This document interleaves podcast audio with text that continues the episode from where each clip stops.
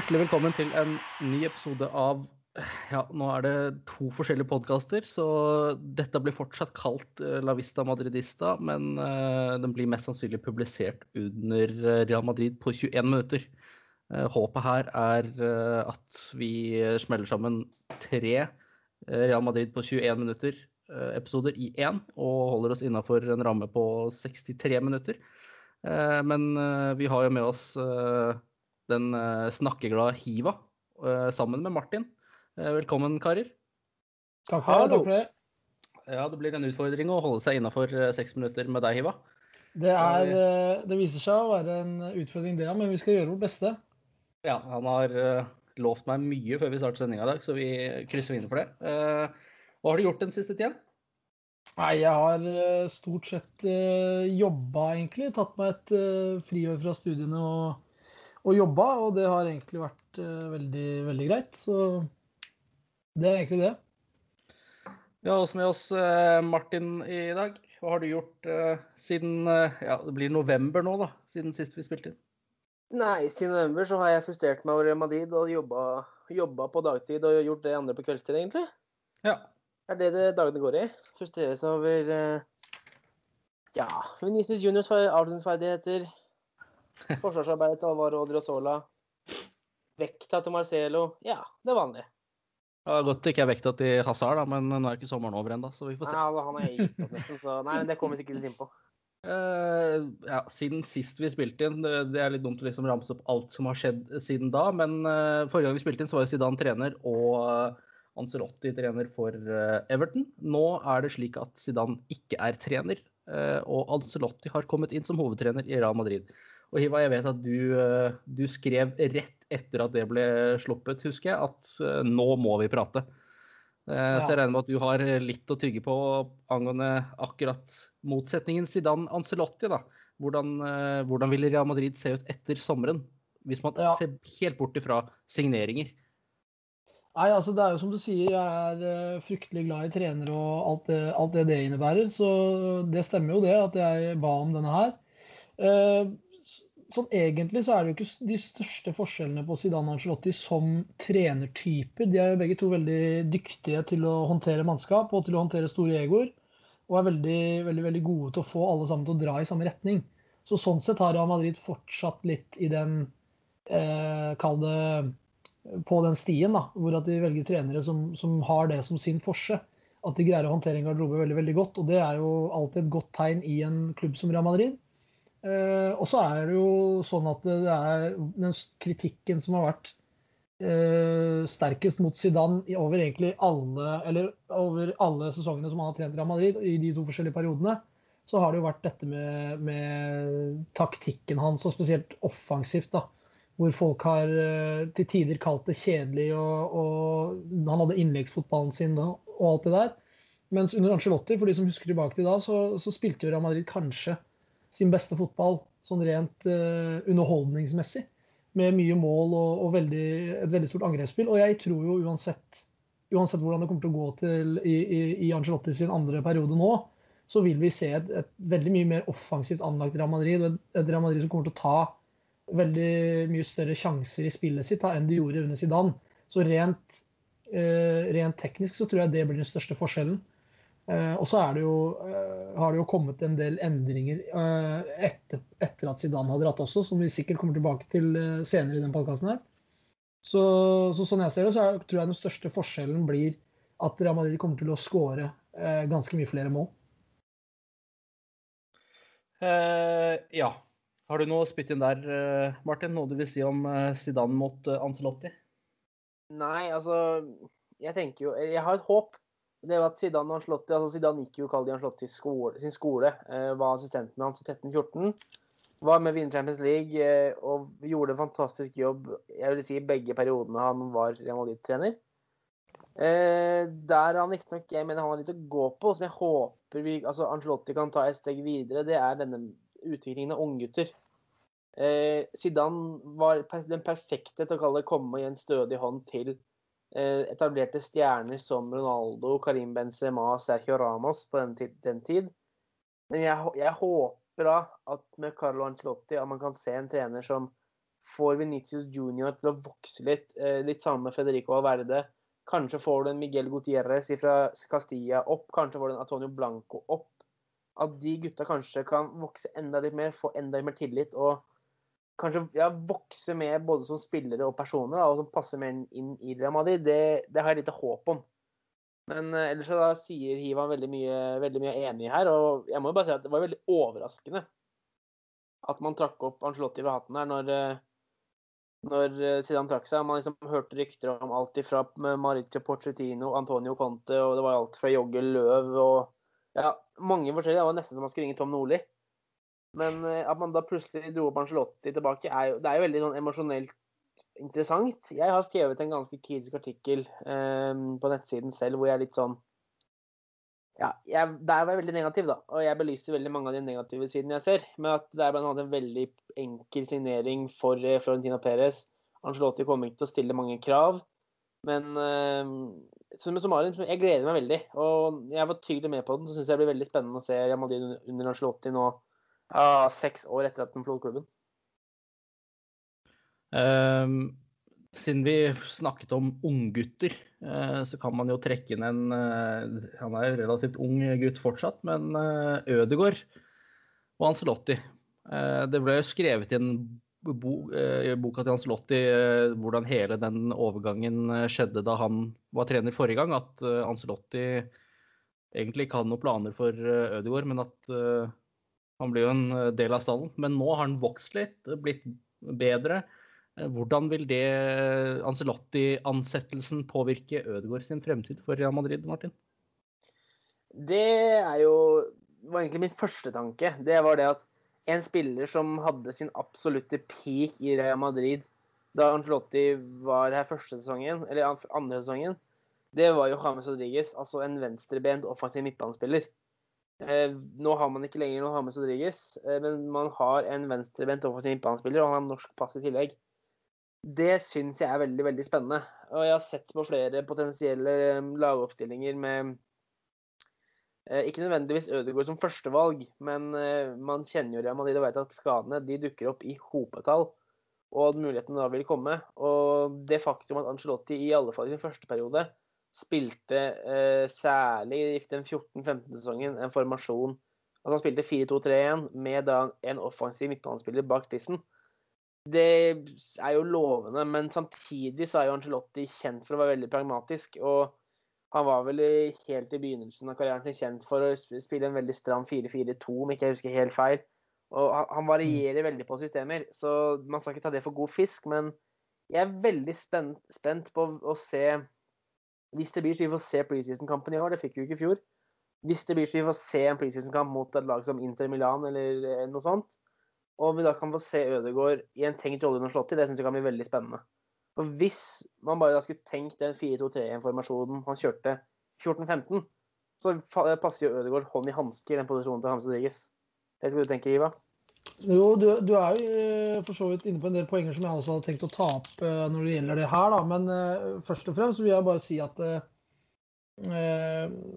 jeg tror eh, mye av Ødegaard sine eh, fremtidssjanser i Real Madrid hviler eh, på han selv, da, og ikke nødvendigvis treneren som er der. Jeg tror fortsatt Ødegaard er et prestisjeprosjekt for Real Madrid, i hvert fall enn så lenge.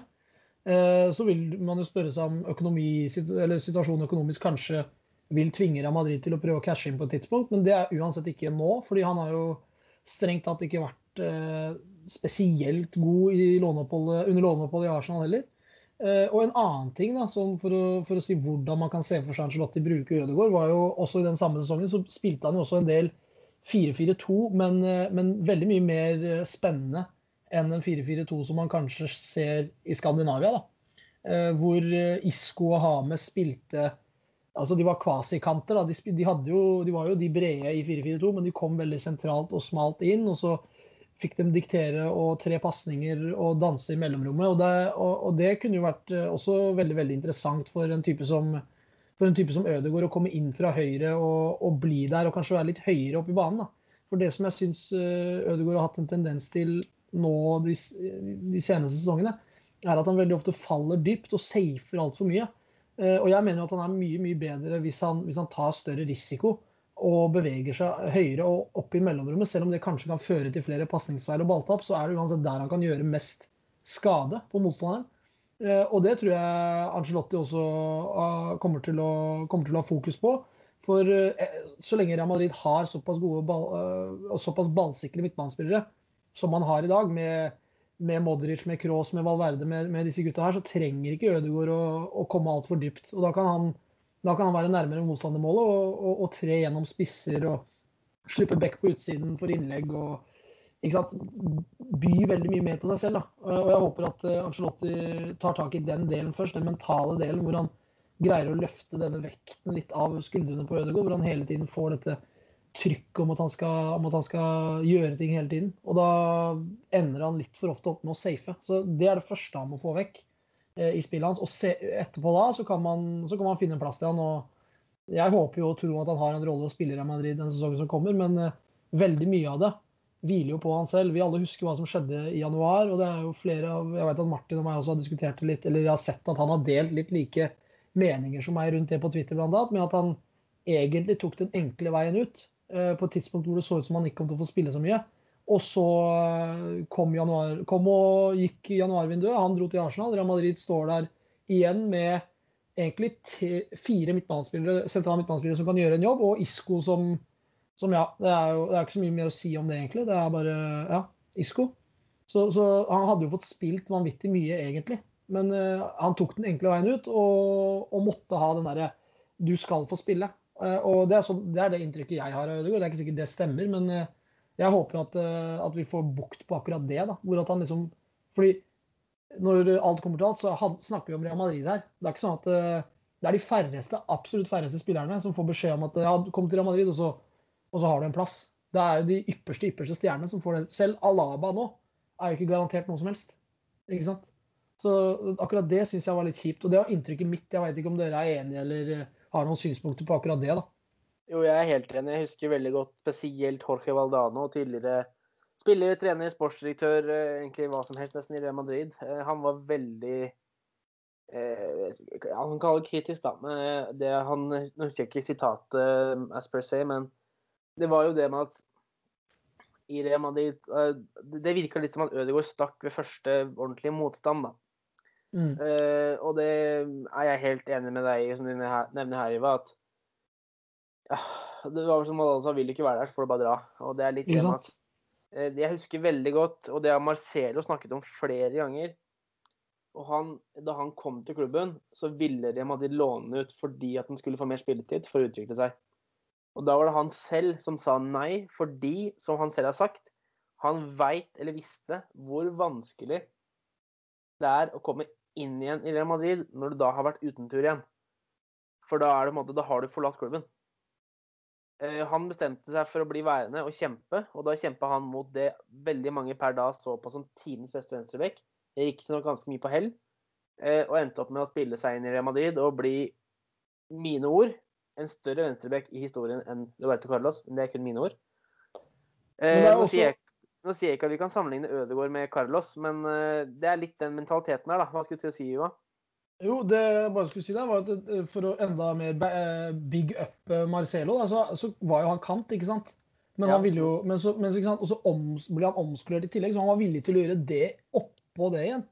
Og det er jo litt der du må være, da. Tror jeg, som ung spiller i Real Madrid. Og, og, de som har lykkes i Real Madrid ved å ha vært unge fremadstormende, har gjerne gjort det sånn. Og de har gjort det på pur F. på en måte. De har bare tvingt seg inn.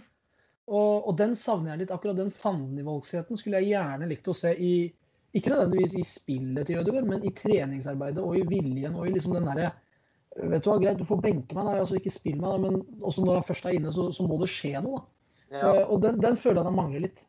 Ja, altså er det som du sier det med På banen, og det, det tenkte jeg veldig på selv når han fikk eh, de få sjansene han fikk i høst. Han, jeg syns da det er bare veldig preg av at uh, av at han selv følte at han måtte virkelig prestere ja. for å kalle det beskytte plassen sin. Han var avhengig av å han, altså, Der kanskje Luka Modric kan spille en kamp til, fem, eh, til femmer, da, fra én til ti, så tror jeg Ødegaard følte han måtte være på sju-åtte for at det egentlig skal være godkjent. Nettopp fordi han var i en utfordrerposisjon. Og det gjorde, slik jeg, slik jeg så det, at han var litt mer, mer, redd for å gjøre feil enn han hadde lyst til å gjøre det riktig. Og Der er det inne på det du pratet på i stad, med det å tørre. Og det er nok veldig mye rettere enn gjort, for da går man inn på alt av idrettspsykologi og hvordan det funker, og det er et så, et så tema som er såpass undervurdert i dagens Eller i, i idrett generelt, mener jeg. Og vi har, altså, vi har ikke nærheten av peiling på det, men hvis Angelotti klarer å få Ødegaard til å virkelig tro på seg selv, så tror jeg det kan være veldig bra. Altså, ta et eksempel av Kylian Mbappé.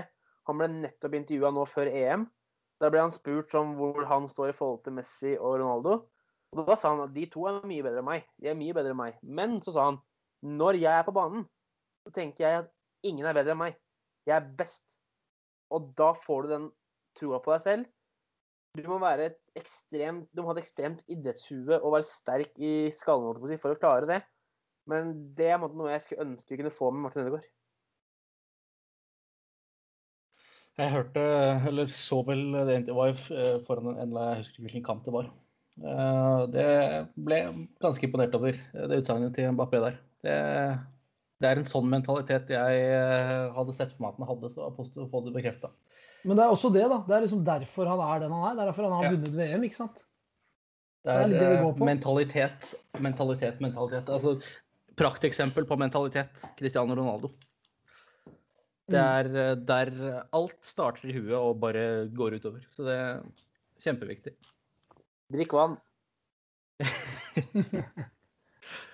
Eh, det er jo noe som eh, skjer om ikke så veldig lang tid. Nå har jeg ikke telt ordentlig, men det er da syv, åtte, ni dager til.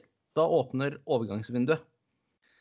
Så vi må jo nesten prate litt om det. Eh, før vi begynner å snakke om, eh, om eh, spillere inn, så syns jeg vi skal tenke litt på hvem som bør gå, hvem er det som eh, må forlate klubben, eh, og hvem er det som til rett pris kan forlate klubben. Eh, Martin, jeg tenker du, du kan jo starte med hvem er det som må forlate klubben?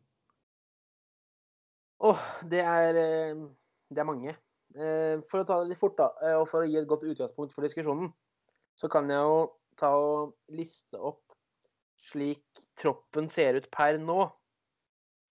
Med spillere man de har på bok, og spillere man kan selge. Eh, det er keepere Tibo Courtois og André Lonin, greit nok. Forsvarsspillere Dani Carvajal, Alvaro Odriozola, Eder Militao, David Alaba, Rafael Varan, Nacho, Jesus Vallejo, Marcelo eh, og Ferland Mendy. Midtbane Tony Cross, Luka Modic, Casemiro, Federico Alverde, Isco, Martin Ødegaard, Daniel Ceballos. Og angrepsspillere Eden Hazard, Karim Benzema, El Marco Ascencio, eh, Lucas Vasquez, eh, Luka Jovic. Nisse Junior, Mariano, Rodrigo, Gareth Bale, Brahim Diaz og Covo. Av de som må selges, så vil jeg påstå Isco. Det er vanskelig. Jeg kan ikke se for meg noen, at han skal forsvare en plass i den troppen her. Altså, forrige sesong hadde han vel én målgivende pasning, han hadde ikke en eneste scoring. Eh, jeg vet at folk har klagd nok på han og pratet nok om han, så det er egentlig ikke nødvendig for meg å ta det opp igjen, men Isco er ganske udiskutabel. Det var min første tanke av hele den lista der, og den inkluderer jo da også Gareth Bale. Eh, ja. Men Isco var første tanke der. Må gå ut i år. Hva tenkte du, Hiva? Eh, jo, eh, jeg vil jo håpe det, jeg også. Eh, det eneste, sånn som for å ta det, trekke det litt tilbake igjen, som Martin var inne på med dette negative sider ved Angelotti-ansettelsen, så er jo potensielt dette en av dem. Eh, fordi nå har vi jo Eller vi alle, de aller, aller fleste eh, vil jo være kanskje enige om at Real behøver en liten revolusjon, eller i hvert fall en liten eh, opprensing i den spillerstallen. Eh, og det som ofte kan være litt sånn til hinder for det, er hvis, nettopp hvis en trener som tidligere har hatt disse spillerne og, og, og likt dem og brukt dem, og, og de på en måte har prestert under, under, eh, denne treneren, som i dette tilfellet er Ancelotti. Sånn sett er jeg litt bekymra for en type som Isco. Eh, og kanskje til og med Gareth Bale, som, vi, som enda flere var enige om at måtte gå. ikke sant? Men så handler det igjen om dette med markedsverdi, og er det noe mulig å få noe igjen for disse gutta? Eh, og da begynner det å bli, eh, det å bli et, et, ordentlig minefelt vi skal navigere gjennom eh, for hvem som må, må gå og ikke. Men jeg tror, jo, jeg tror, jo, sånn helt generelt, da, når Martin lister opp troppen per dags dato, så er det jo i Altså, det er jo angrepsspillerne det er fryktelig mange av, og det er jo der det må først gjøres noe. Eh, sånn jeg ser det. Det er, det er veldig mange av disse unge spillerne. Du har Brahim, Kubo, Rodrigo Venicius. Det er fire stykker der. Og så har du en gjeng som kommer etterpå det, med, som er litt sånn i bob-bob-sonen med Ascencio bl.a. Hva gjør vi med Luka Jovic? Hva gjør vi med Mariano? Eh, kan, vi, kan vi cashe inn på Hazard? Eh, altså det er jo det er ekstremt mange spørsmålstegn ved dette greiene her. Og jeg tror altså ikke bare Ancelotti, men Real Madrid som, som klubb og sånn vi kjenner dem, vet, eh, vi vet jo at det er det er ikke bare Ancelotti som eh, Eller det er strengt talt nesten ikke bare Angelotti som, som styrer det greiene her. Du har Perez som sikkert har et ord å si. og José Ángel Sánchez, som er Florentino Perez sin høyre hånd i disse forhandlingene. Det har vært mye snakk om Luis Campos. Kommer han inn og skal ha noe å si? Så jeg er veldig spent på hva som skjer der. Men jeg vil jo si meg enig i at Isco må ut. Og så tror jeg kanskje eh, typer som Jesus Vallejo, Dani Ceballos, Brahim Diaz eh, Kanskje til og med Marco Ascencio og Luka Jovic. Hvis, hvis, vi kan få penger igjen for disse gutta her, så tror jeg det lønner seg å gjøre det. Ja, altså, kan jo nevne at eh, vi spiller inn i dag 22.6, og i går 21. så var jo, slapp jo Madrid en bildeserie hvor man viste at Carlo Angelotti var tilbake på Aldebebas. og alt det si, Hva var det de sa for noe? De ja, satte satte hånda på verket da, med å begynne arbeidet for neste sesong. Der skal man bl.a. sitte i et, et, beskrevet av Marca som flere timer langt møte med José Ángel Sánchez, hvor de har diskutert da troppen eh, inn og ut. Eh, hvem kommer inn, hvem kommer ut. Så er det selvfølgelig rykter hit og dit, eh, hvem som skal hvor. Men det er ganske troverdig at det, det gjorde de i går. Men jeg er veldig enig med deg, Hiva, at angrepsspillerne her, det er der det er klar, klar overvekt. Jeg sier først som sist, får man Hvis man får over 30 millioner euro for Hazard, selv. Tvert. Uansett. Jeg er så skuffa over det Marco Ascencio presterte forrige sesong. Så jeg kunne godt tenkt meg å solgt han hvis man får en god slant penger for den. Men hvis vi skulle holde oss til de som må selges, er det de du er inne på. Daniel Ceballos kan jeg ikke se for meg å ha noen fremtid i Real Madrid, men det kan fort bli han eller Ødegaard. Eh, og da tror jeg ikke de er interessert i noe lån på egentlig noen av dem lenger. Hvis det ikke blir værende sånn her, da er det, da er det salg. Eh, Kobo han eh, er det egentlig opplevd og vedtatt at skal lånes ut. Han blir heller ikke med på preseason fordi han skal representere Japan under OL. Brahim Diaz synes jeg har vært veldig spennende å se i Milan, men der ryktes det veldig hardt nå fra Fabrizio Romano om at Eh, det jobbes med å komme til enighet om en eh, låneavtale med obligasjon eller bare opsjon på kjøp. Hvor de nå kommer til å prøve å få inn en tilbakekjøpsklausul. Men eh, det er jo et nøkkeltema her. Og en nøkkelspiller. Og jeg trodde aldri jeg skulle si det her da vi spilte podkast sist. Og i historikken til denne podkasten her, da er det nesten som å banne i kjerka. Men fy faen og deilig det var at Lucas Vasques fornya kontrakta si. Det var altså så nydelig. Og alt peker på at han er fornya som høyreback. Og da har Real Madrid til trippel dekning på høyreback, og det er for mye. Dermed må man nok selge Alvaro Odriozola. Han nå har vært så vidt gifta rykta til eh, egentlig begge Milan-klubbene. Eh, Inter kommer til å selge Hakimi nå pga. pengeproblemer, og da er jo Odriozola en back som er vesentlig bedre offensivt enn defensivt. Et, eh, en naturlig erstatter. Men ellers syns jeg det er vanskelig Det er måtte veldig få som krystalliserer seg ut, sånn som må ut. Men man har jo elefanten i rommet, da, som det stadig ryktes om at skal vekk, og det er iallfall Varan. Som ikke virker å være supergira på å forlenge kontrakten sin.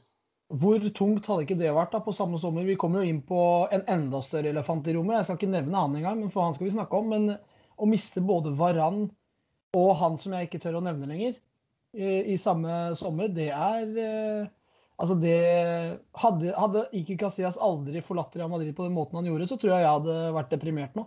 Fordi det herda meg da han dro. Ja, altså når det kommer til Varan, så Jeg leste meg opp nå før vi, før vi, eh, før vi satte i gang avspillingen, eller innspillingen. Og han har blitt spurt under franske pressekonferanser nå under EM om framtiden sin for Real Madrid. Har sagt at det ønsker han ikke å prate om. Da han ble spurt før Champions League-kampen mot Chelsea, så sa han bare framtiden min er klar for meg, men jeg kommer ikke til å snakke om det nå. Eh, rykter jeg har sett, tyder på at han tjener et sted mellom 5, 5,5-6 millioner euro netto i året. Eh, absurd mye penger, ja. Men det er da halvparten eller under halvparten av hva David Alaba får. Og de gutta her, altså, de har så mye penger at det er ikke det som sånn sett driver dem. Men for Rafael Varan, som nå har vært ti år i klubben, så går det også litt på det å bli respektert. Og jeg har full forståelse for at han og hans agent, agenter ønsker at han skal ha samme lønn, om ikke mer, enn Alaba. Ja, det, mer er lite sannsynlig, men i hvert fall samme.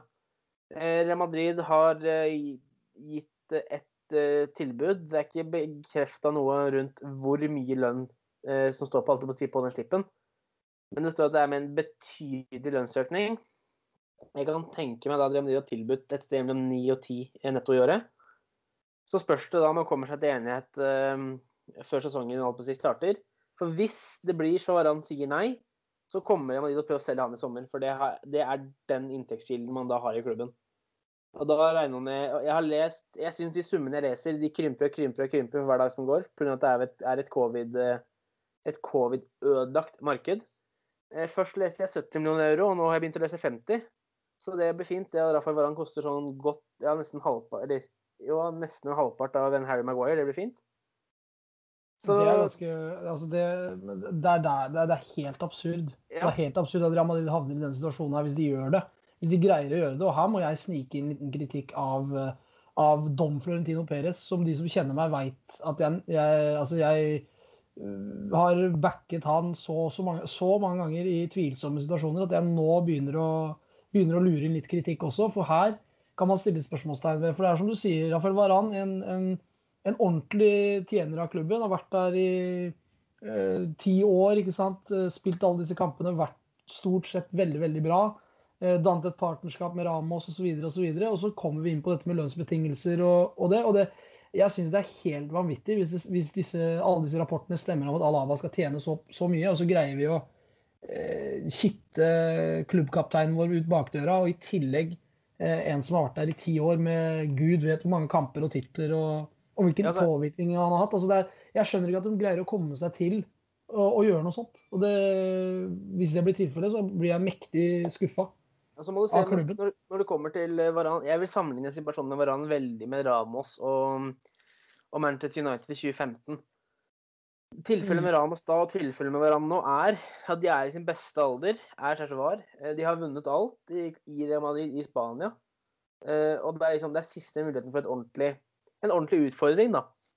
Prøve seg et nytt sted, etablere seg på en eh, ny plass, flytte familien. Det er sin siste muligheten nå. Nå er han 28. Eh, nå er det liksom litt sånn make it or break it mellom at han kan bli en ja, om, om 20 år da, skal Rafael Varan stå i historieboka i samme kapittel som PP. Som fantastisk spiller, fantastisk midtstopper. Eh, en, en bauta i Real Madrid-historien. Eller skal han stå i samme kapittel som Fernando Hierro og Sergio Ramos? Det er det spørsmålet han må stille seg. Eller Manolo Sanchez, for den saks skyld.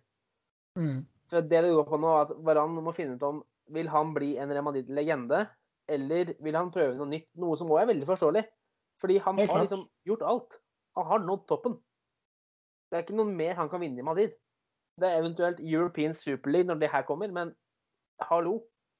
Så det er veldig forståelig. Eh, jeg håper veldig han blir, og jeg ser på det som veldig kritisk hvis man da skal miste sine to beste midtstoppere i samme overgangsvindu. Så er det mm, potensielt meget, meget skummelt. Men jeg har en snikende følelse på det, eller har hatt det lenge. Men så sliter jeg med å se for meg at begge to skal, reise, skal dra samtidig. Og det er litt interessant her å se at det var han da, i hvert fall etter sigende slik rapportene tilsier per 22.6.2021, da, så skal jo egentlig Varan gjøre akkurat det samme som David Alaba har gjort. Med at han elsker klubben, det står ikke på det, men han har vunnet alt. Han vil være med på én sesong til. Så vil han reise til et nytt sted hvor han får en helt sinnssyk lønn og en helt sinnssyk, sinnssyk signeringsbonus. I og med at det ikke er noen overgangssum. Og så prøver han nytt. Og det er forståelig. For å sette et lite punktum der, da, så bare oppsummerer vi veldig kjapt. Da er det Isco, Bale, eh, Ceballos eh, og Vallejo, hvis ikke jeg husker feil, som må ut. Og så er det Odriozola også. Odriozola. Ja, vi har jo prata om Bale, og han tror jeg det blir vanskelig å få penger for, men hvis man gjør det, selvfølgelig. Få det vekk. Og de som kan gå ut, Hazard kan selges. Eh, Varan har vi jo på en måte sagt at kan selges. Det blir jo Hvis man skal cashe inn på den, så virker det som å være nå. Eh, Asensio. Asensio kan selges, der eh, helt enig. Mariano, Brahim Det er muligheter. Jeg mener Mariano, Mariano må selges, men eh, det kommer helt an på hvordan man gjør det med Luka Jovic. Kanskje han- også. Kanskje han nekter, akkurat som sist. Ja, han ville ikke, I fjor ville han ikke fordi han ikke fikk samme lønn i Benfica, så det, er jo, altså, det har han jo all rett til. Eh, nå sier vi at uh, Varan ikke signerer ny kontrakt og flyr ut døra denne sommeren her, så da kan vi snakke om et par stoppere også som skal inn. Og da er det jo to brennheite navn på, på tavla. Pau Torres og Jules Condé. Jeg vet ikke om jeg uttalte det riktig, men uh, Syns jeg var Sats- på den, jeg. Veldig bra. Takk, takk, takk. Eh, ja. En av de to, eh, eventuelt begge. Hvem, eh, hvem av de to er det mest sannsynlig at man eh, signerer? Og hvorfor er det bra at det er nettopp den personen?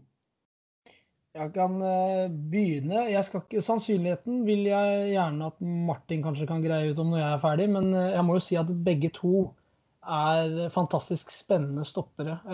Den sesongen Pau Torres har hatt for Villarreal nå, har vært fenomenal.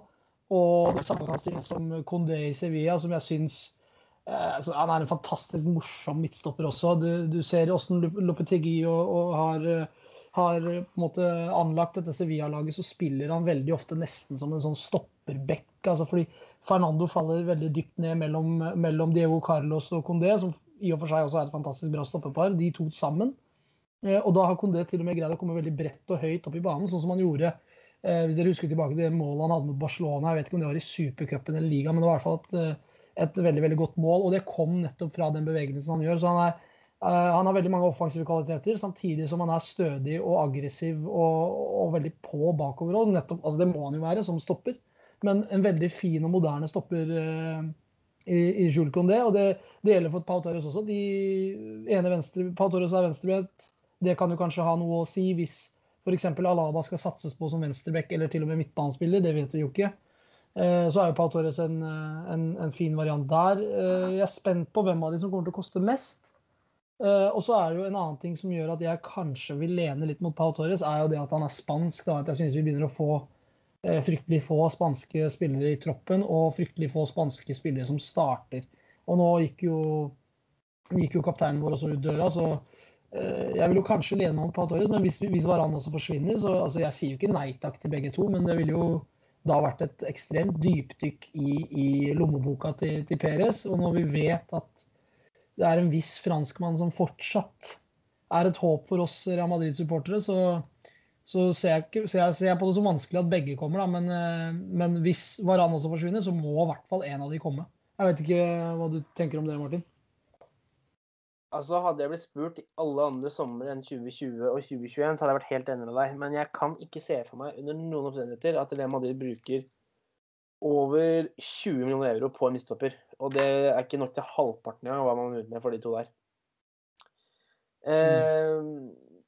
det, er to, to La Liga-lag. I La Liga er det kontraktsfesta at du skal ha en ukjøpsklausul, og den kommer man til å bli henvist til. Den er henholdsvis 80 millioner euro på Jules Condé, og den er 65 millioner euro på Pau Torres, og det er det man må betale. Derfor er Pau Torres mer, mer sannsynlig, fordi han er billigere. Men eh, det er snakk om at Jules Condé er 1 sannsynlig, og Pau Torres er 2 sannsynlig. Selv hvis Jeg- Varan forsvinner og man får penger Ja. for han? Jeg, jeg tror ikke det. Da, hvis Varan stikker, da tror jeg man i en sesong kommer til å satse på et kall det primærstopperpar bestående av Nacho, Militao, Kalle Alaba. Litt sånn avhengig av motstander, alt ettersom hvordan man, hvor man bruker Alaba. Han er veldig eh, anvendelig, det kommer vi mer inn på etterpå. Og så tror jeg, tror jeg, eller jeg frykter, at man da kommer til å velge å beholde Jesus Vallejo og bruke han som fjerdevalg. Det er det jeg frykter. Ja. Men- Bare for å lytte, det, er jo ikke, det hadde jo heller ikke vært krise sånn sett, spør du meg. Jeg, jeg kunne stilt meg bak det valget også, med tanke på den avslutningen på sesongen både Nacho og Militao hadde. Og jeg vet ikke med dere, men det hadde vært veldig få ting som hadde gjort meg mer glad enn, enn å se Nacho som ubestridt starter foran Madrid. Det hadde vært uh, Altså, jeg får gåsehud bare av å tenke på det. Det er jeg eh, helt, det er helt enig det- Er det én spiller som fortjener det, liksom? Jeg er helt enig. Og det sånn- den, den, den startelveren der, den har jeg ikke noe problem med å kalle verken å kjøpe eller, eller selge inn. Alt det, det, er noe, det er ikke noe stress. Det, altså, om man så går for eh, Nacho, Militao, Militao, Alaba, Alaba, Nacho, hva enn det blir for noe, altså det går helt fint. Utfordringen er når Vallejo ryker eh, hamstringen i november, er ute til mars, og så skal da Militao, Nacho, Alaba de tre rotere på alt framover. Alaba brukes litt overalt, og så er eh, så er Casemiro suspendert, og så må han brukes der. Og så er Nacho suspendert, og så eh, er eh, Militao på seg rødt kort. Altså, det er, det er bredden som jeg sliter med å, å være trygg på. Kanskje er det her en gamble Real Madrid ser seg nødt til å ta pga. covid covid. Holde tapene til klubben. Nå, bare for å få slengt inn det, så var det veldig gledelig i går å se at Javier Tebas, La Liga-president eh, La Liga har jo kontroll på eh, pengebruken til laga i La Liga, fordi at de har lønnstak og lignende for at det skal være en bærekraftig måte å drive klubb på. Og han eh, ble spurt i går angående eh, gjelden til Real Madrid og Barcelona. Og da eh, nevnte han bl.a. det at Barcelona har rundt 700 millioner, eller ikke gjeld, men i, tapte penger. Eh, og nesten halvparten av det her er utelukkende pga. covid. Ikke at det er så mye å si, men han nevnte da bare Real Madrid har gjort en veldig veldig god jobb eh, med, med å begrense tapene sine, og de er langt unna tallene til Barcelona. Det var det han ordrett sa. Og det er sånn som jeg er veldig fornøyd. Og da kan det være at kall det prisen man betaler for det, kan være å gamble litt sånn inn mot en sesong. Så kan det kanskje være noe man ikke har vært vant til, at man kanskje henter noe i januar. Hvis mulighetene åpner seg. Brått kan det være at man går inn for en kriseløsning. Bare top of my head. Gabriel Paulista i Valencia er tilgjengelig for 10 millioner euro i januar. Så går man for det kun fordi man må ha dybde. Hva vet jeg. Jeg håper ikke det blir han, i hvert fall. Nei, det håper ikke jeg heller.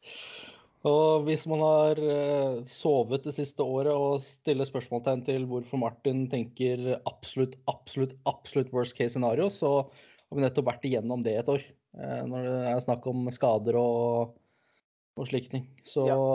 det er ve veldig god tanke sånn eh, for sesongen sett, med tanke på bredden i troppen. Men uh, også så må jeg stille meg bak det Hiba også slenger inn her, at uh, hvis du, ja, hvis du nevner, uh, hvis du nevner en, start, en startelveren da, til hvilket som helst lag, så vil nok de fleste sagt at eh, ja, det er ganske tett bak der, da, med Nacho og Militao, med tanke på hvordan de presterte. Ja, Så- og det er som Hiva sa. Altså, man kan komme her med hva man vil, altså. Men det er ikke én spiller i La Liga som for meg fortjener mer å være fast i sin, i sin klubb enn Nacho. Nei. Det er det ikke. Det er jeg helt enig i.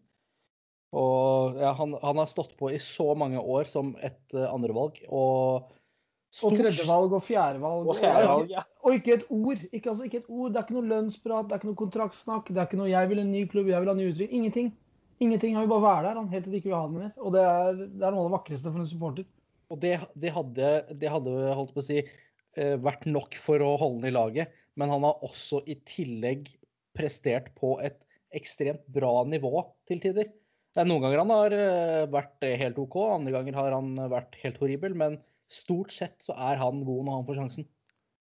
Og det Ja, jeg så et, så et klipp her for eh, et par dager siden som bare fikk meg til å tenke på, eh, tenke på Nacho. Og det var, eh, det var jo den gangen han eh, eh, tok det der frisparket veldig raskt. Jeg måtte si ja. Ja, noen, noen som husker det? ja ballen bare ligger der, og du ser, du ser den komme sprinten inn fra sida og bare lemper den i mål. Det Og så er det jo et, et annet tema med å bruke en spiller som Nacho, er at det er litt den signaleffekten. Altså, Real Madrid har et akademi hvor Jeg husker ikke jeg tallene i huet, men jeg tror det er over 200 spillere i akademiet til Real Madrid. Og det å da ha Man har og har hatt Da- Dani Carvajal som gikk gradene. Men det å da Altså, men han gikk gradene, ble lånt ut, kom tilbake som førstevalg. Men det å da ha en spiller i startleveren året han vel fyller 30, eller 31, som man da ser at han var ikke fast. Han var lenge, det var lenge han ikke Han spilte på Castilla til han var 3-24. Han har aldri en, fått den stjernebehandlinga. Han har aldri blitt lånt ut for å utvikle seg. Altså, han har alltid blitt den derre du er ikke god nok Eller du har ikke stort nok potensial til at de låner deg ut for at du skal få spille. Men du er akkurat god nok til at du kan gjøre en jobb for førstelaget. Førstelaget. Derfor så kan du komme hit. Den signaleffekten man sender til eget akademi ved at en sånn spiller blir fast, det er uvurderlig. Og det å ha akademispillere i laget, i garderoben, eh, spesielt når det går imot, som kjenner klubben, som kjenner klubbens verdier, og som har lært seg og fått det flaska opp at det Madrid-drakta den kan bli skitna til av blod, svette og tårer, men aldri av skam, det er uvurderlig. For å sette en stopper på stoppere, så eh, har jeg lyst til å snakke om uh, to andre spillere som er et veldig hett tema denne sommeren her. Uh, og begge er jo sterkt linket til, til Real Madrid. Den ene dagen er den ene sterkere linka enn den andre, og så skifter det om dagen etterpå. Det er jo da selvfølgelig Kylian Mbappé og Erling Braut Haaland. Sannsynligheten for at en av de havner i klubben i sommer Martin, du var jo du har jo vært ganske sikker på Mbappé. Var det Det var i etterkant av vårt veddemål eh, at han skulle komme denne sommeren her? Hvis ja. jeg ikke husker helt feil? Det er helt riktig. Um, for å svare på spørsmålet så er jeg 75% sikker på at Kylian Mbappé er Madrid-spiller 1.9. Og det er det veldig mange grunner til. Uh, en, en, journalist som har tatt seg veldig opp i min bok, det er Josep Pedrol.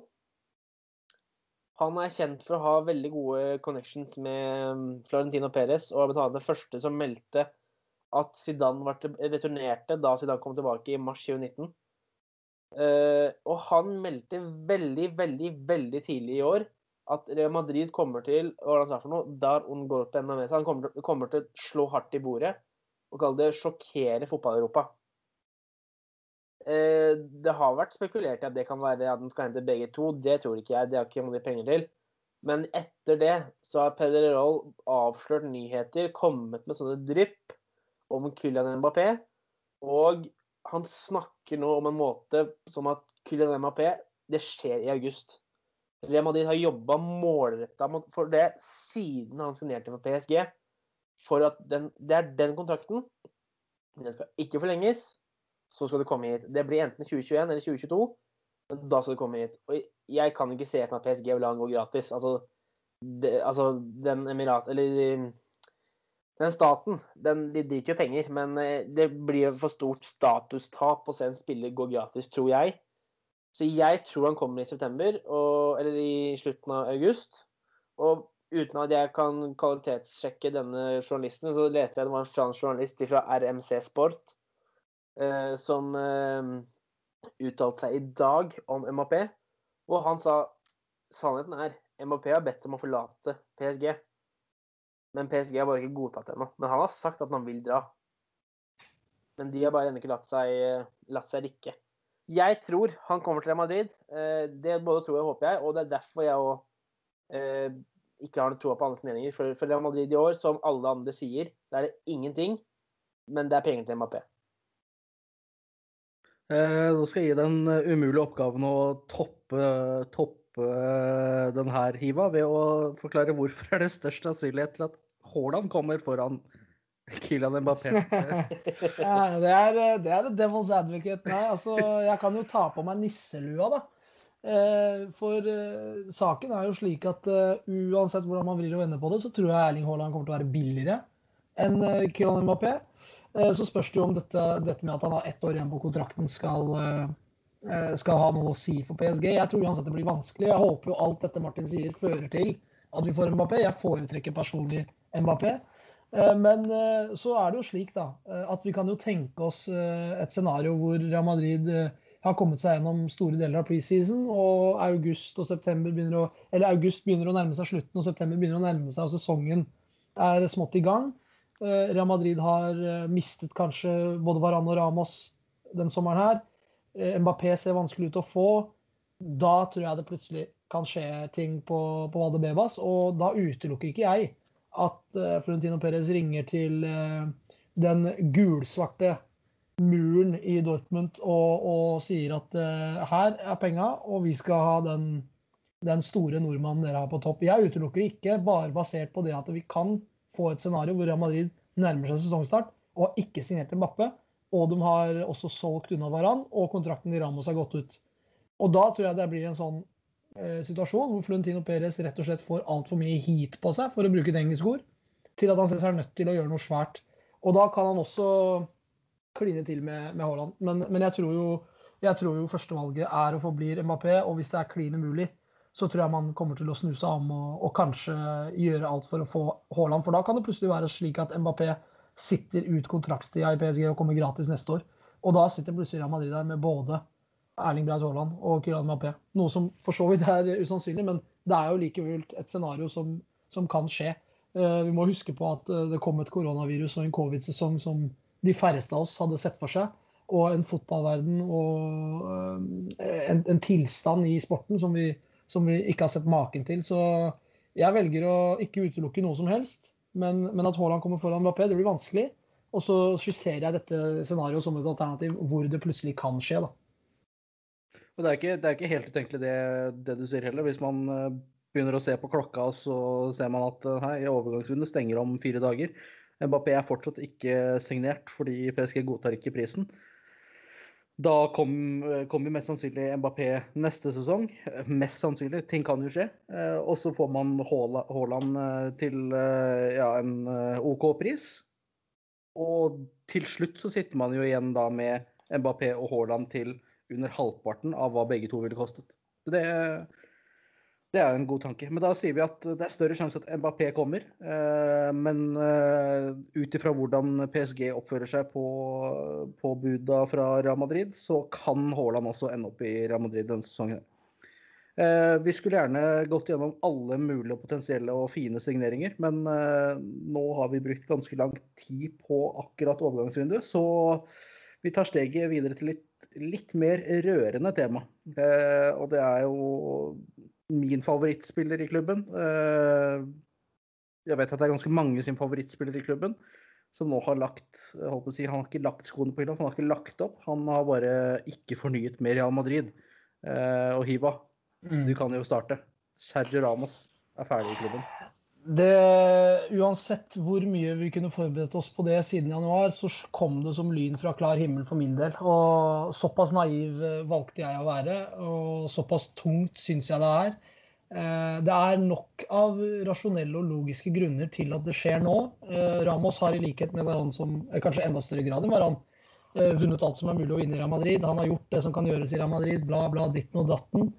Men måten han forlater skuta si på nå, og den påvirkningen han har hatt, og det, det ettermælet han legger igjen i Real Madrid, det er eh, nesten unikt. Eh, vi snakker om en spiller som, som kom da han var 19 år gammel og knapt hadde hår på brystet. Eh, fra Sevilla, En gategutt fra Sevilla som kom til storbyen Madrid og, skulle, og ble signert for en stor slant. Og som Florentino Perez selv sa på avskjeden til, til Ramos, så var han første spanske spilleren som Florentino Perez signerte. Eh, og den reisen han har hatt, har vært eh, enorm. Og den, bare det, altså, man, kan bryte, man kan jo bryte det ned til, eh, til den berømte headingen hans i, mot Atletico Madrid, men, men det, han er så mye mer. og han er så, altså, Jeg sliter med å finne et større ikon på Real Madrid. og Jeg sliter med å finne spillere som har vært såpass tydelig eh, forelska i Real Madrid og vært så glad i, i, i, klubben og logoen og hva det innebærer og hva det står for. Og ikke minst, spesielt i de senere årene hans, representert klubben på en, på en fantastisk måte. Eh, I mitt hode. Ja, han, er, han, har vært uvøren, og ja, han har rekorden for flest røde kort og gule kort og ditt og datt, han spiller på kanten, og han gjorde ditt, og han er hatet av mange, men, men uh, fytti grisen, altså. Det er ikke bare spilleren Sergio Ramos jeg, jeg, er glad i, men det er personen. Sånn, han, sånn, jeg forstår han, og sånn han fremstår i media og på banen og i intervjuer og i pressekonferanser og alt mulig sånt. Det er også en av mine absolutt, absolutt favorittspillere gjennom tidene. Han er bare bak ikke Casillas, og det er eneste grunn til at Casillas er foran han, er fordi at jeg vokste opp med å se på, se på Casillas, og han var det første på en måte inntrykket jeg hadde av Madrid. da. Mens, mens Ramos blir nok den i voksen alder som har gjort mest inntrykk på meg som Real Madrid-supporter, og det tror jeg han kommer til å være i lang, lang tid. For eh, å, å se den eh, avskjeden hans, det, det, er noe av det vanskelige jeg har gjort. Nå står der og, og har familien sin der og, og, og tar til tårene. Og hele, altså hele følelsesregisteret var å spore mens han sto der. Og når han i tillegg da nevner at han eh, Det er nok veldig mange som har vært klar over det hele kontraktsituasjonen. Og det virker jo som at veldig mye av det som er rapportert, stemmer. Med at han eh, ønsket seg to år, og så var det noe eh, et tilbud fra Real Madrid, sånn som det har blitt, blitt for vane til Real Madrid å gjøre. Nemlig at de ikke tilbyr to år til spillere som er over en viss alder og de tilbød ett, og så plutselig får man høre at Ramas egentlig hadde takka ja til det. Og, og, måten han forklarte det selv i den avskjeden hans, var jo at han egentlig aldri hadde tenkt på å forlate Real Madrid.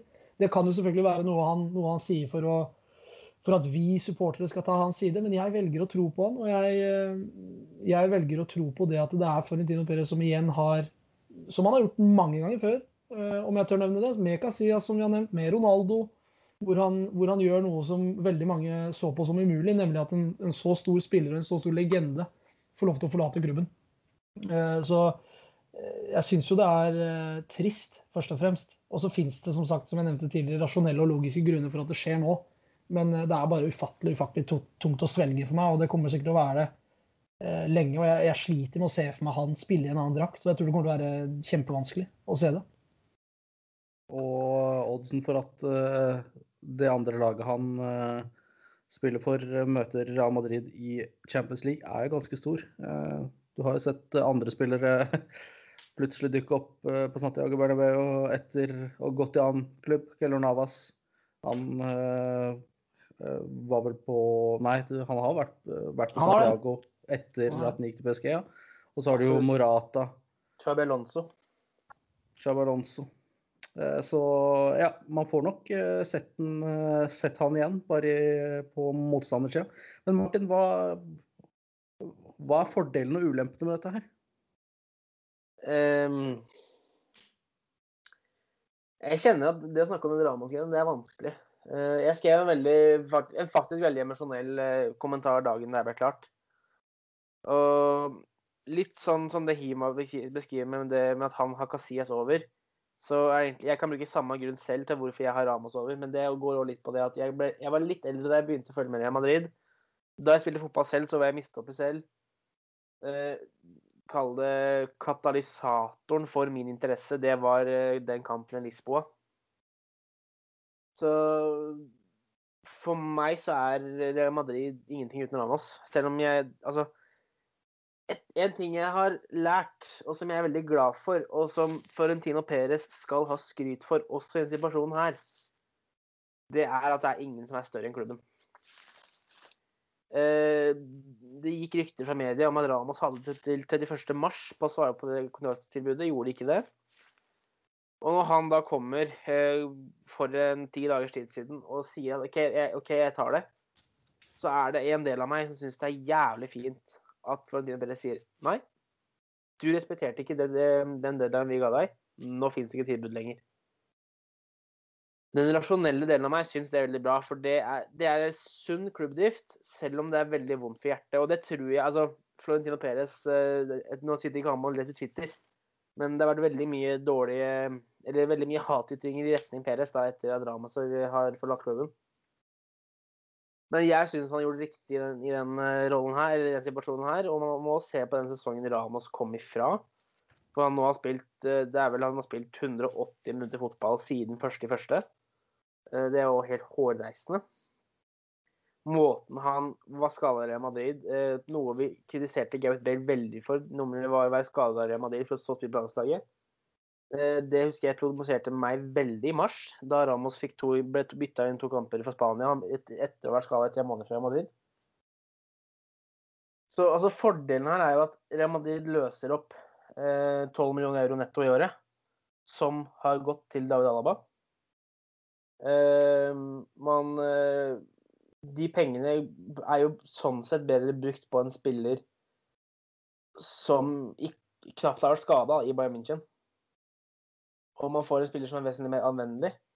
Men det er klart, de negative sidene veier jo over det her, og det er ingen tvil om at eh, du mister den kapteinen. Altså Hvis man skal google prototyp kaptein, så skal du få bilde av Sergio Ramos. Altså, han er tidenes drittsekk og alle som møter han, hater han. Men det er akkurat sånn kapteinen du vil ha. For han går i krigen. Og det er som han selv sa, han har gitt blod og sjelen sin for den klubben her. Uh, og er det én Altså, jeg har sagt det før, er det én som skulle uh, legge opp i Real så ja, det var kanskje Sergio Ramos, men det sannelig kan man si om ikke Casillas. Det kan man sannelig også ha sagt om Raúl i sin tid. Det burde man også ha sagt om Cristiano Ronaldo. Altså, vi heier på en klubb som er så stjernespekka, har vært det i så sinnssykt mange år. Og det er vanskelig å sånn sett sette noen over noen, men for meg så er Ramos Han er i hvert fall beste stopperen i klubbhistorien. Eh, jeg setter han over både Hierro, Sanchez og ja, hele gjengen. Eh, det blir veldig vanskelig Real Madrid uten han. Eh, og Real Madrid, jeg er veldig spent på hvem som tar opp den derre lederhansken. Fordi det er virkelig Altså, det er opplest og vedtatt at han er en fantastisk kaptein som går i krigen, men jeg tror fortsatt det undervurderer hvilken effekt han har på et lag. Og jeg har sikkert tenkt det samme nå når jeg har sett Spania under EM, uten sammenligning for øvrig. Hvordan de mangler en sånn leder som bare drar hele gruppen med seg. Eh, det, blir et rotete svar, men det blir bare Det har sine fordeler, og jeg klarer å se de. Og jeg skjønner hvorfor Perez har gjort det her. Og det er litt sånn nødvendig onde, tror jeg. Eh, men det er jo utrolig, utrolig vondt. Spesielt når du ser han står der. Altså, altså han hadde minste fortjent å få den avskjeden på Santiago Bernabeu. Nå er selvfølgelig ikke det mulig. Og den avskjeden han fikk, den, var den best mulige i forhold til omstendighetene. Så det er sånn sett ikke noe å klage på klubben der. Han ble ikke sendt på, på podiet alene gråtende som eh, en viss annen klubblegende. Som var vesentlig verre og vesentlig styggere. Mm. Eh, så jeg syns det er vanskelig å kritisere klubben der, men jeg, jeg tror jo, bare for å legge til et par småting her nå også, som, som, du minte meg på gjennom det du sa. Eh, det første er jo at jeg tror at eh, René Ramos, broren til Ramos og agent, og hele teamet rundt han har spilt et høyt spill. Og du har nok veldig rett i det at Frontino Perez har nok sett det. Og så er jo han også en mann med ego som ikke lar seg Eh, pirke på nesen. Og når, og når, de spiller et så høyt spill, og senere da går tilbake på det, hvis vi skal tro på rapportene, som jeg tror vi kan gjøre i dette tilfellet, så, så, er det jo også, som du sier, veldig godt å se. Og det er jo slik Real Madrid har vært, som du nevner. Og det er jo slik Real Madrid er. Det er den eneste klubben jeg kan huske som behandler legendene sine, kall det så i hermetegn dårlig, men også likevel eh, klubben sin, setter klubben sin så høyt. da. Og, og, det er jo både bra og dårlig, sånn jeg ser det, men det er veldig spesielt og interessant og litt kult også, da, nesten på en litt sånn teit måte, hvis, hvis dere skjønner hva jeg mener, at Real Madrid yeah. gjør det på den måten. Fordi de viser bare, det, de viser bare hvor skapet står. Og da har det ikke noe å si hva du heter. Men jeg hadde jo trodd at er det én spiller som kunne fått litt godvilje, så er, jo, så er, det jo, i mine øyne, uten at jeg kan ramse opp absolutt alle kapteiner Real Madrid har hatt, og, og, og, langt tilbake i tid og sånn, så, så, mener jo jeg at det her er Vi snakker om tidenes Real Madrid-kaptein. Eh, ja, med tanke på hva han, har, ja, hva han, har, vært med på, og hva han har bidratt til, og hva han har, hva han har ledet. Fordi det er veldig få fellesnevnere hvis man drar det tilbake i alle de periodene han har vært der. Eller alle, altså de 15 åra, 16 åra han, han, var i Real Madrid, så er det fryktelig mange trenere, f.eks. Fryktelig mange lagkamerater. Og det er knapt noen som har et vondt ord å si om ham. Det er bare å se på alle de avskjedsmeldingene han får fra både tidligere lagkamerater, nåværende lagkamerater, nåværende trener, tidligere trener. Altså det er Eh, det er helt uten sidestykke. Og det er ganske vanvittig å tenke på, da. bare sånn for en selv også. Vi, vi, vi normale, dødelige mennesker. altså Tenk om du skulle slutta et eller annet sted, eller hva som helst, da, og ha såpass mange som har vært med deg, vært i en garderobe og sett deg, som gir deg så eh, positive, nesten ut, altså utelukkende positive meldinger. Det sier litt om hva slags standing han har hatt i klubben, og hvor mye han har hatt å si. Og det er slett ikke bare lett å være den fyren som liksom ja, han er kaptein, men han er jo også den som først blir tatt ikke sant? og først blir kritisert av, og, og som først får søkelyset på seg. og Måten han har håndtert det på opp igjennom, det, den biten der også, helt eh, fenomenal. Og jeg tror det er veldig mange som har lært mye av han i den garderoben. Det er derfor jeg også føler at det, de lederegenskapene som, som, vi utvilsomt mister nå, de, de, er det veldig mange i den garderoben som har lært og, kunnet, og, og sett på nært hold og, og lært av, som, som, kan ta den hansken videre. Og, jeg håper jo at uh, selv om Sergio Ramos ikke lenger er Real Madrid-spiller, så håper jeg at uh, sjela hans og det han sto for, og det han, det han liksom ga seg selv uh, med tanke på profesjonalitet og, og, og den biten, det, det, håper jeg og tror også blir, blir, videreført av de som er der nå. Du nevnte jo så vidt det var inni det du sa, Martin, at 12 millioner gikk til en annen spiller. Og det er jo da første bekrefta signeringen denne sesongen. Det er eh, David Alaba. Og Hiva, hva er det, hva er det David Alaba kan eh, tilby, eh, tilby Real Madrid? Ja, det er, det er, en veldig komplett og god pakke, slik jeg ser det. Og jeg husker tilbake til dette, disse ryktene først begynte å svirre. Så tror jeg vi har snakket om det tidligere på en podkast også. Uh, hvor jeg, hvor jeg nevnte at nesten uansett så bør man hente en spiller av Alabas kaliber. Hvis det er mulig å hente han gratis. Og det står jeg for den dag i dag også. Jeg håper ikke at dette med lønna hans og at han kommer i det Ramos drar osv. overskygger dette. fordi vi snakker om fotballspillere som har vært med på enormt mye i en veldig veldig stor klubb, og en prestisjetung klubb også, i Bayern München. Så han veit hva det dreier seg om, å levere på det ypperste nivået. Han er i en fin alder, han kommer gratis, som sagt. Eh, og så er det jo dette med anvendeligheten hans da, og, og den smartnessen han har som spiller, som gjør at han kan spille i flere forskjellige posisjoner og egentlig være veldig veldig god i alle de posisjonene. Uh, han har spilt uh, I EM f.eks. så har han spilt mye, mye, uh, mye, både stopper og til tider også venstre kant, nesten. Venstre back, midtbanespiller. nesten skapt en sånn egen rolle hvor han er sentralt i banen før han sprinter på utsiden av hvem, måtte, hvem, av bekken og kanten som må ha ballen på venstresida. Som jo er en, en, liten sånn kvalitet som vi, vi, som husker tilbake til da Di Maria var i Real Madrid på slutten under Ancelotti, hadde en slik rolle. Og det kan jo være veldig interessant for, for Real Madrid å bruke han der også. Uh, så det kan han komme med. Han er uh, veldig veldig god med ballen, som gjør at Real Madrid kan fortsette å videre altså rendyrke dette spillet bakfra, hvor man triller ut bakfra og spiller opp og bruker korte utspill fra, fra Courtois for å bygge opp angrep. Der er han ekstremt god. Eh, innleggsfoten hans og dødball eh, Altså han er en dødballspesialist. Og har en fantastisk fin venstrebot som, som, kan slå fra alle mulige vinkler. Han går på corner, frispark, innlegg dypere i banen, høyere i banen ved linja. Så han er en spiller som jeg tror Real Madrid eh, vil ha stor glede av, og ikke minst oss supportere kommer til å ha stor glede av. Og så jobber han jo knallhardt begge veier. Så, så, dette er en veldig veldig komplett spiller Real Madrid nå har signert, og en klok signering. Uh, og jeg har jo alltid vært svak for å hente en spiller gratis. Da. Når jeg har sett uh, slik Bayern München driver klubben sin, er jeg veldig fascinert over. Og de, de har riktignok en helt annen standing, en veldig, veldig unik standing i, i hjemlandet sitt Tyskland uh, kontra andre storklubber, som gjør at de kanskje kan, kan, få til disse overgangene oftere. Så sånn sett er det kult at Real Madrid greier å få det til andre veien. og så, ja, så det er, jo, det er jo en veldig, veldig god signering, slik jeg ser det. Uh, og jeg tror han kan, kan, få en veldig viktig rolle å spille for Real Madrid eh, de, de kommende sesongene. Hva tenker du om Alaba, Martin? Altså, jeg fikk litt sånn små vann i munnen ja, når jeg så den corneren han slo for Østerrike her, og de skåra mot mot Ukraina, var det vel. og Alaba gir meg litt sånn Nesten litt sånn som blod bruser når vi får en spiller som kan bruke så mange posisjoner, og som gir Angelotti og laget en slik taktisk fleksibilitet, det, det, gjør meg veldig nysgjerrig. Jeg er veldig spent på hvor han kommer til å bli brukt mest, men jeg er veldig glad for at Real Madrid nå sannsynligvis i fast i elveren vil ha en dødballfot, eller en dødballspiller som er venstrefota. Eh, det er jeg veldig glad for. Og så blir det kanskje vi endelig kan få se et mål fra direkte frispark hjem, for den frisparkfoten hans er, er helt ellevill. Og nå har ikke, ja, De skåra vel ikke på ett frispark hele eh, sesongen som var.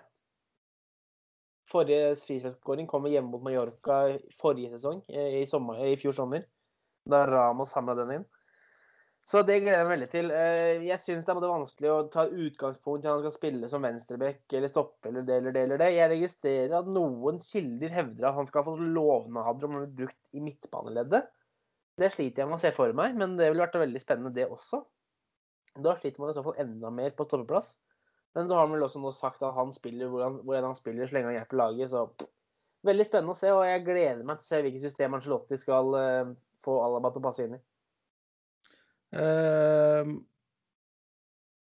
Tony Cruz i El Clásico vil ikke det bli Blir ikke det regna som hans scoring, eller var det for mye deflection? Jo det, blir, jo, det blir vel det. Det var jo jo, jo, du har rett der, men den går jo via er det Mingesa der, som gjør at den setter ut til Stegen. Så det er jo Det er ikke sånn klassisk frisparkgoal, men du, du, skal få for den. Takk. Det var jeg som calla den, så uh, Ja, nå har vi dekket de største emnene. Uh, eller det aller største kommer jo helt til slutt, men uh, de tinga vi måtte gå igjennom, er tatt. Eh, så da tenker jeg at vi kan ta en liten eh, oppsummering på Real Madrid-spillere i EM og Copa America. Eh, nå er det ingen her som har fulgt noe veldig med på Copa America, men det vi har lest og fått med oss, er vel at Militao Casemiro har vært ekstremt gode for spesielt Militao for Brasil. Eh, Valverde hadde vel ikke starta første kampen, men spilte hele kampen mot Argentina, hvis jeg ikke husker feil. Eh, men eh, jeg tenker vi kan ta land for land, og da er det bare førstemann til mølla. Når jeg sier landet, så kan dere snakke om spillerne som spiller for det landet. Da starter vi med Tyskland. Ja, jeg kan ta det. Altså, Kroos og Tyskland har jo spilt to kamper mot eh, de, har fått sine to, de er jo i dødens gruppe, så de har fått sine to vanskeligste til å begynne med. Med først Frankrike på Allianz Arena og så Portugal på Allianz Arena. Eh, fiffig nok, da har han stått som bortelag i begge kamper, selv om det har vært på hjemlig jord. Tapte 1-0 mot Frankrike og vant 4-2 i kanskje EMs morsomste kamp mot Portugal, der Ronaldo sendte portugiserne i føringen eh, etter 20 minutters tid, og så snudde for Tyskland det. Cross eh, syns jeg ble løpende litt imellom, ikke helt fant sin plass mot, uh, mot Frankrike. Uh, ble litt tatt ut av kampen av Canté og, og, Pogba, som var veldig gode begge to.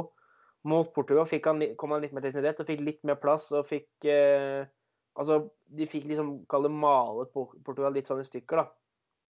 Nå kan jeg ikke helt huske om han hadde noen målpoeng, det tror jeg ikke han hadde. men han har spilt som en, i midtbaneduo med Ikael Gondogan. for Tyskland kjører jo tre Flerskjermbergslinje. Eh, så han har vært duo der. og Så har han hatt Kimmich til sin høyre side, og så har de da hatt Robin Gaasens på venstre, venstre ringbekken.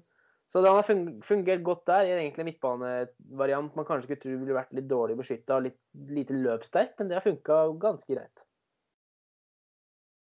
Og så kan vi gå videre til Belgia.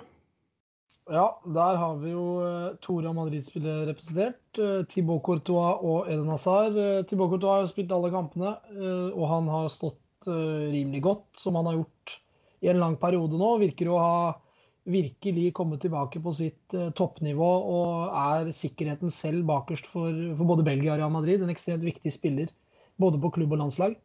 Så han er det gledelig å se fortsette sin ja, kall det toppform, da, egentlig.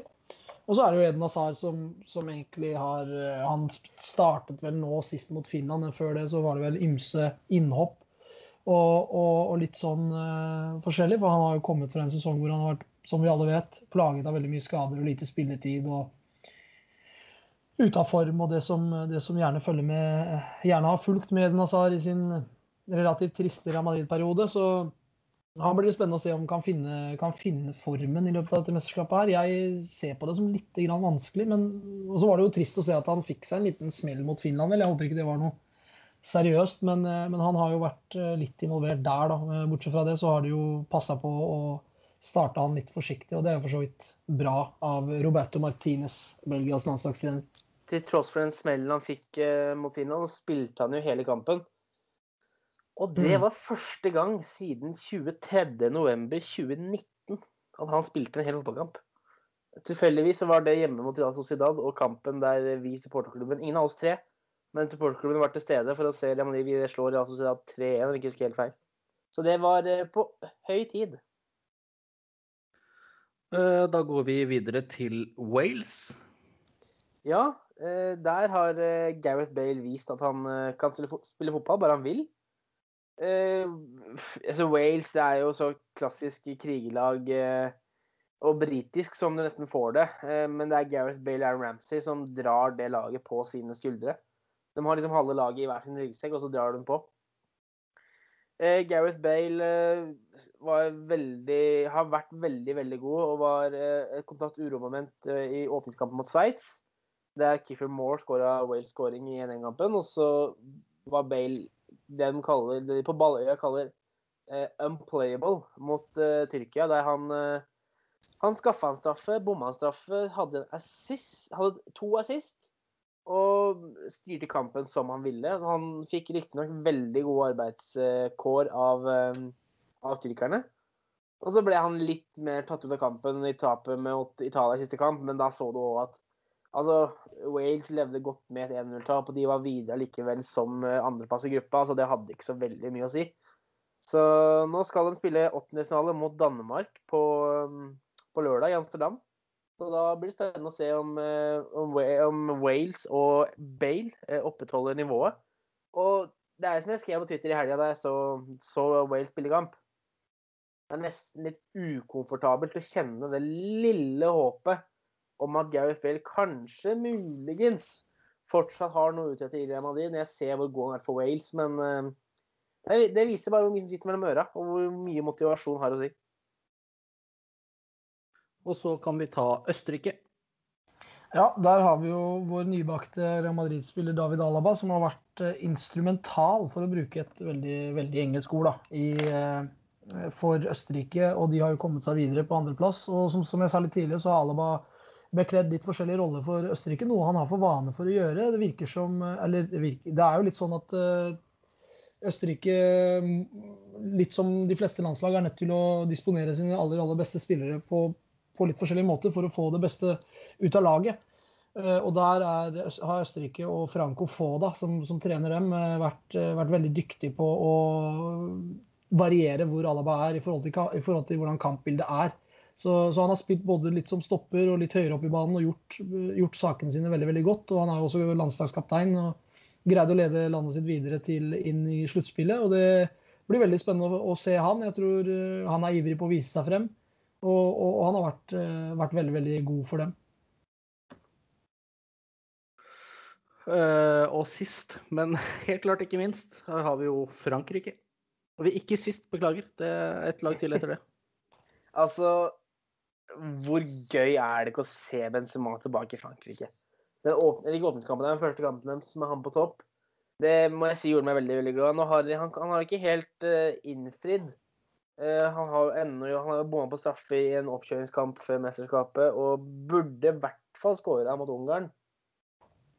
Skåra jo mot Tyskland, men den ble annullert, så de kritiske røster i Frankrike hadde fått litt vann på mølla hva angår eh, spissduellen duo Benzema, men uh, vi får satse på at uh, Formel 1-bilen slår gokart-bilen, og så ordner det seg. Uh, Rafael Varan i de bakre rekke har vært bunnsolid. Uh, knapt satt en fot feil. Altså, veldig klassisk Varan. Altså, han syns ikke så fælt. Det er ikke han som setter inn den avgjørende taklinga, men det er fordi at han, han, posisjonerer seg og spiller på en måte med det, det blir aldri nødvendig.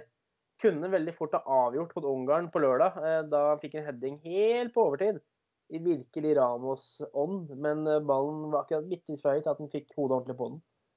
Eh, Frankrike spiller ferdig sin, sitt gruppespill i morgen onsdag med kamp mot eh, Ungarn. Eh, er eh, Portugal. Portugal, beklager. Portugal. De spilte jo selvfølgelig 1-1 mot Ungarn. Eh, de er så godt som videre, og det blir veldig spennende å se hvordan to lag som egentlig da er best glad i å kontre, hvordan de angriper kampen. Og sist, og da kanskje minst også, eh, Kroatia. Kroatia ja, minst i størrelse, muligens, men du verden for en fotballspiller eh, Luka Modric fortsatt er. Eh, nå har jo riktignok Kroatia slitt litt i dette mesterskapet, og Modric har vel også i takt med dem ikke greid å sette fullt og helt sitt preg på, på det kroatiske mannskapet, som virker å være litt grann over sin eh, prime, sånn som, som, et, som en tropp. da. Det har jo vært en del utskiftninger siden, siden sist, da de, da, de var, da de, kom seg til eh, VM-finalen. Men uh, det er jo enda sånn at uh, Luka Modric, uansett om han er på banen for, for Real Madrid eller Kroatia, så er det jo den spilleren man ser etter når, når, man noe, når man skal ha mål og når man skal skape ting. Og han fortsetter å forsøke og fortsetter å, å, å, gi sitt aller, aller beste, så er, sikkert, så er det kanskje ikke alt som har gått hans vei hittil. I likhet med resten av laget, som sagt. Men, og det kan jo være altså Han begynner å dra på åra også. og det å ha en en lang og tung sesong hvor han har spilt vanvittig mye i den alderen hans og, og i alle disse turneringene for Real Madrid, og da i tillegg skulle prestere når han egentlig da per definisjon skulle hatt fri, så syns jeg han har gjort det uh, rimelig OK og, og, og sikkert og er sikkert veldig veldig lysten i kveld da, på å, på å ta skalpen eller slå Skottland, som da ville ville hjulpet dem veldig i veien, i veien deres mot, videre inn mot sluttspillet. eventuelt. Så det blir spennende å følge han i kveld. Og, og, og jeg håper jo for, for hans del at, eh, at, han får en veldig veldig god kamp i kveld, og at Kroatia kommer seg videre. Vi har holdt på en ganske god stund nå. Vi må avslutte litt kort om det aller siste emnet vårt. Eh, men det er jo da eh, noe som eh, jeg ikke var helt forberedt på, at det skulle være så åpent og, og uh, gjennomsiktig, holdt jeg på å si, på hvordan, uh, hvordan ting har vært i klubben for han. Men Zidane skrev et brev som ble publisert i Hvilken avis var det igjen? I AS. Det var forsiden på AS den tirsdag eller mandag etter at han annonserte at han skulle gi seg. Ja, du kan jo bare fortsette praten der, Martin. Eh, tanker ja. om det som sto der. Eh, for å si det først, da. De som ikke har fått med seg innholdet i brevet, kan lese hele, hele brevet på norsk på vår hjemmeside, der jeg oversatte. Eh, han la ut et ganske langt brev hvor han forklarte eh, i overraskende god detalj hvorfor han egentlig dro. Eh, forrige gang han dro, så var det jo egentlig at han følte han ikke hadde noe mer å gi til laget, og at han rett og slett trengte en pause. Her, det, her, skrev han direkte imot at jeg er ikke lei av å trene, jeg er ikke gira på noen pause, og jeg vil trene igjen. Eh, det det her dreide seg om, det var at han ikke hadde følt seg nok backa av eh, ledelsen i klubben. Og det vil jeg da anta går i hovedsak på Florentino Perez. Siden Zidane er i likhet med Florentino Perez, i likhet med Sergio Ramos, en mann med en ekstrem stolthet.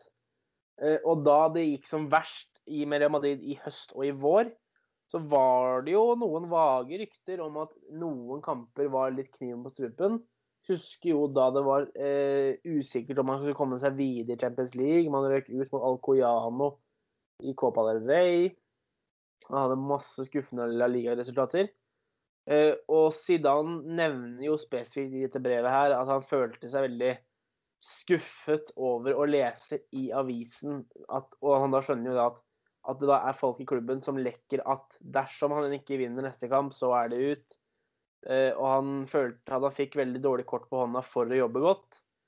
Og det dreide seg rundt at han følte seg ikke nok støtta av klubben, da. Eh, samtidig som han også brukte brevet til å benytte sjansen til at uten Florentino Perez, som det brevet her sannsynligvis var retta mot, så ville han heller aldri vært i klubben. Og at han også skylder Perez veldig mye, det var han veldig på på å nevne. Men uh, han var veldig klar over at uh, det var ikke sånn at han hoppa av et synkende skip, men han følte han ikke fikk den tilstrekkelige støtten for å kunne fortsette. Så uh, har det ikke vært så mye rykter som jeg kanskje skulle tro rundt om det her var spilleroverganger eller hva det var for noe, men spesielt dette med filtreringen til pressen og litt sånn støy, arbeidsstøy, da, når det var på sitt verste. Og som han, altså, som han skrev, at i Real Madrid er det sånn hvis du kvinner, så må du gå. Og man skriver det visste han selv òg. Eh, og man har sett trenere som til og med har vunnet, har måttet gå. Men som han nevnte, at en person som han selv, som har vunnet så mye, som har gjort alt som spiller og som trener, så hadde han håpa på en ørlite annen behandling da, som han ikke hadde fått. Så det var egentlig litt sånn vondt å lese. for det følte, altså, Jeg følte ikke at det der var noe klassisk sånn PR-firma-svada. Det følte her var sånn, litt ekte vare. Ja, dette, dette, var jeg også sikker på at han hadde skrevet uh, selv. Og, og, det jeg også begynt meg merke til, og som er viktig å legge til også, da, det er jo at uh, Zidane uh, Han hadde jo en sånn tirade da det sto på som verst på presko, i presserommet. og Det husker jo I hvert fall Martin og meg, som, som sikkert Vi pleier å se på Før de bortekamp mot Uesca i slutten av januar var den tiraden. Rett etter de røk ut i cupen. Nettopp hvor jeg personlig ser på alle pressekonferansene som Real Madrid-trenerne har. Litt av øh, interesse, men også litt for å holde spansken i gang. Og, og Zidane sine pressekonferanser pleide å være rimelig like og kjedelige, og så kom den tiraden. Og da spesifiserte han at vi som er her, og da regner jeg med at han sikta til seg selv og trenerteamet sitt, men også en del av spillerne, vi fortjener å jobbe i fred. Og den øh, meldingen tror jeg også, i hvert fall nå sett i ettertid, var retta mot klubben og styret mer enn pressen. Men også det at det er en uting i spansk fotball, og kanskje spesielt i Real Madrid, hvor uh, klubben er ekstremt lur og, og, og smart til å, til å, lekke til pressen, og de biter på. Uh, så jeg tror jo, og igjen velger å tro på det som står i det brevet, og velger å tro på Zidane. Og, og det er ikke til å ta feil av det, det brevet der. Det er, det er ganske krass kritikk mot, mot, hvordan det drives. Og det vil jeg si meg helt enig i, samtidig som at jeg må, si, jeg må rette en bitte liten pekefinger til Zidane og si at dette her, dette her, er du klar over, og dette her vet du.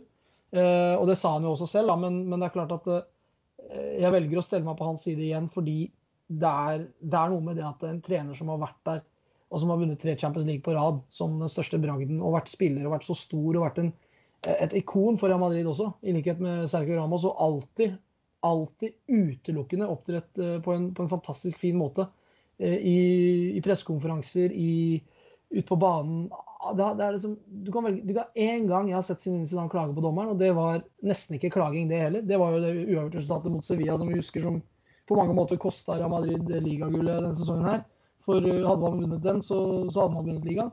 Men eh, det er den eneste gangen man kan si det. Og jeg syns jo personlig at det var ekstremt deilig å ha en trener som, som brydde seg så lite om, om, alt annet. Om dommere, om bane, om Jeg skal ikke nevne navn Jørgen Klopp, jeg skal ikke nevne navn Mourinho. Ikke, altså det finnes så mange trenere som liker å helgardere seg.